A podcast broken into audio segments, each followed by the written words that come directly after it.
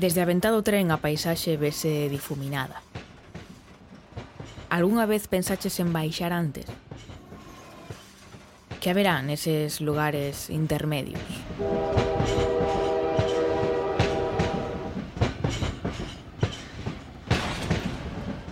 Non sei. Eu non o pensei nunca, e a verdade é que isto non vai de trens. Pero si vai de lugares. Lugares que, por outra banda, probablemente non teñan estación. Entón, como se chega a eles? Próxima estación, Caneliñas, a última balea.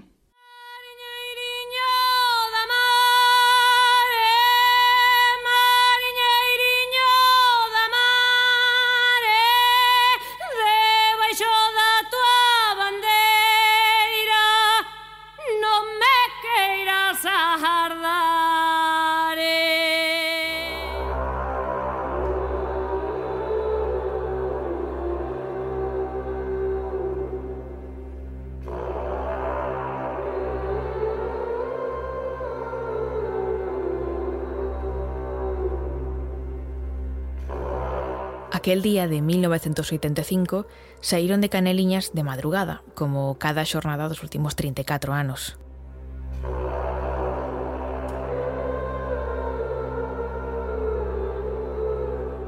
Afastáronse no vello vapor oxidado ata a alta mar, a unhas 50 millas, sen alonxarse demasiado e sen perder de vista o cabo Fisterra, que era a súa referencia. Por aquelas augas cazábanse os mellores exemplares de cachalotes e de baleas comuns de todo o Atlántico Leste.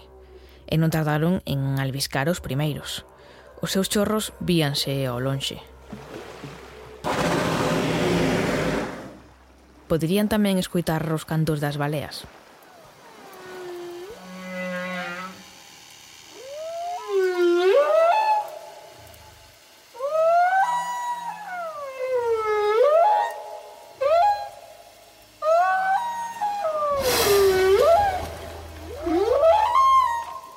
De súpeto, os berros do vixía dan conta da presenza dunha balea nos arredores.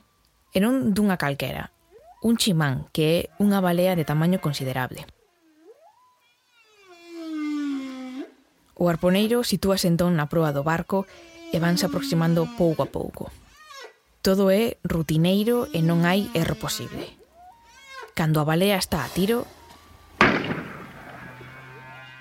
o arpón acerta de cheo e e no mesmo momento os explosivos da súa punta fan o resto.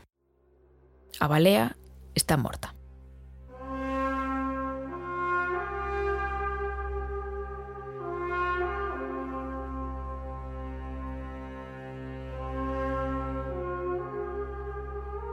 Contan os protagonistas que na mellor xornada de caza podían regresar con ata 11 cacharotes pendurados do barco, Tan grande e importante era a caza de cetáceos en Galicia neses anos, os 70 ou 80, que a palea franca, unha especie típica do Atlántico, estivo a piques de desaparecer.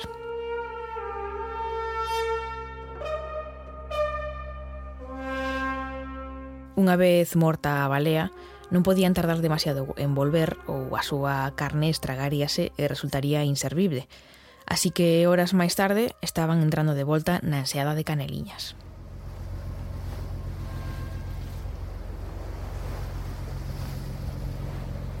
Alí, no alto dunha atalaia, vixiábase a chegada das capturas.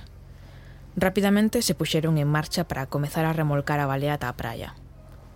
O barco quedaba amarrado na entrada da baía e os operarios arrastraban o animal dende unhas gamelas. No centro da factoría, a praza, agardaban uns 40 homes e mulleres preparados con grandes coitelos para despezar a balea. Non había tempo que perder. Non só se botaba man da carne para o seu consumo, na súa maior parte vendida aos xaponeses que eran os seus principais consumidores.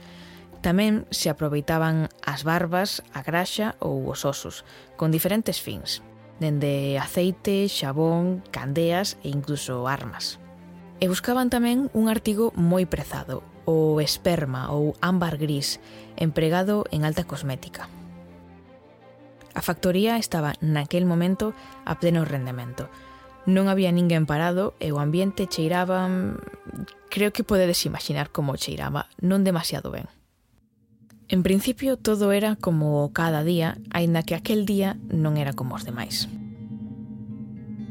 Aquela balea sería a última en entrar en Caneliñas. Logo de varios boicots por parte de grupos ecoloxistas, Ese ano, 1985, era o último que a Comisión Baleira Internacional puxera como límite para a caza destes grandes mamíferos acuáticos, en perigo de extinción en todo o mundo. En Caneliñas, Industrias Balleneras S.A. levaba cazando baleas máis de 30 anos, dende 1951. Este pequeno porto foi, no seu momento, o maior da península pola súa actividade, e foi tamén o último de España en pechar. Lentamente. Lentamente. Como las hojas esperan a noviembre.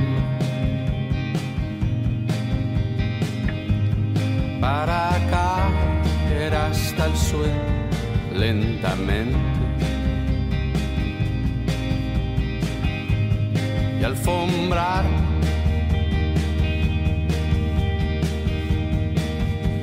Yo, te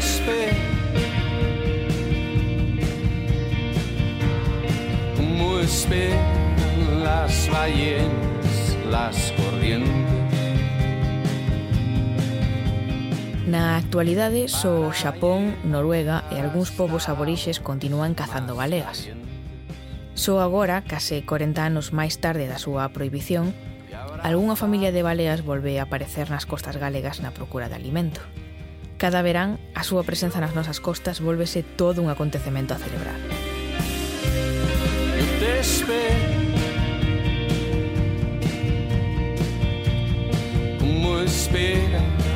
las estrellas a la noche. Pero volvamos a Caneliñas.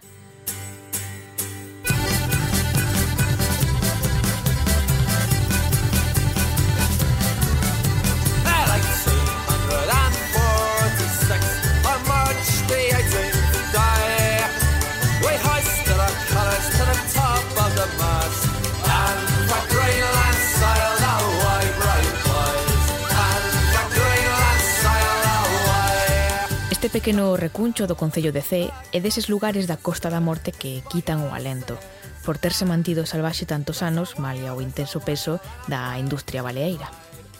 Ata a praia chégase por un estreito camiño costa abaixo e mirar cara ao mar en ocasións provoca vertixe. Antes de chegar á beira do mar, xa comezas a adiviñar a intensa historia deste lugar.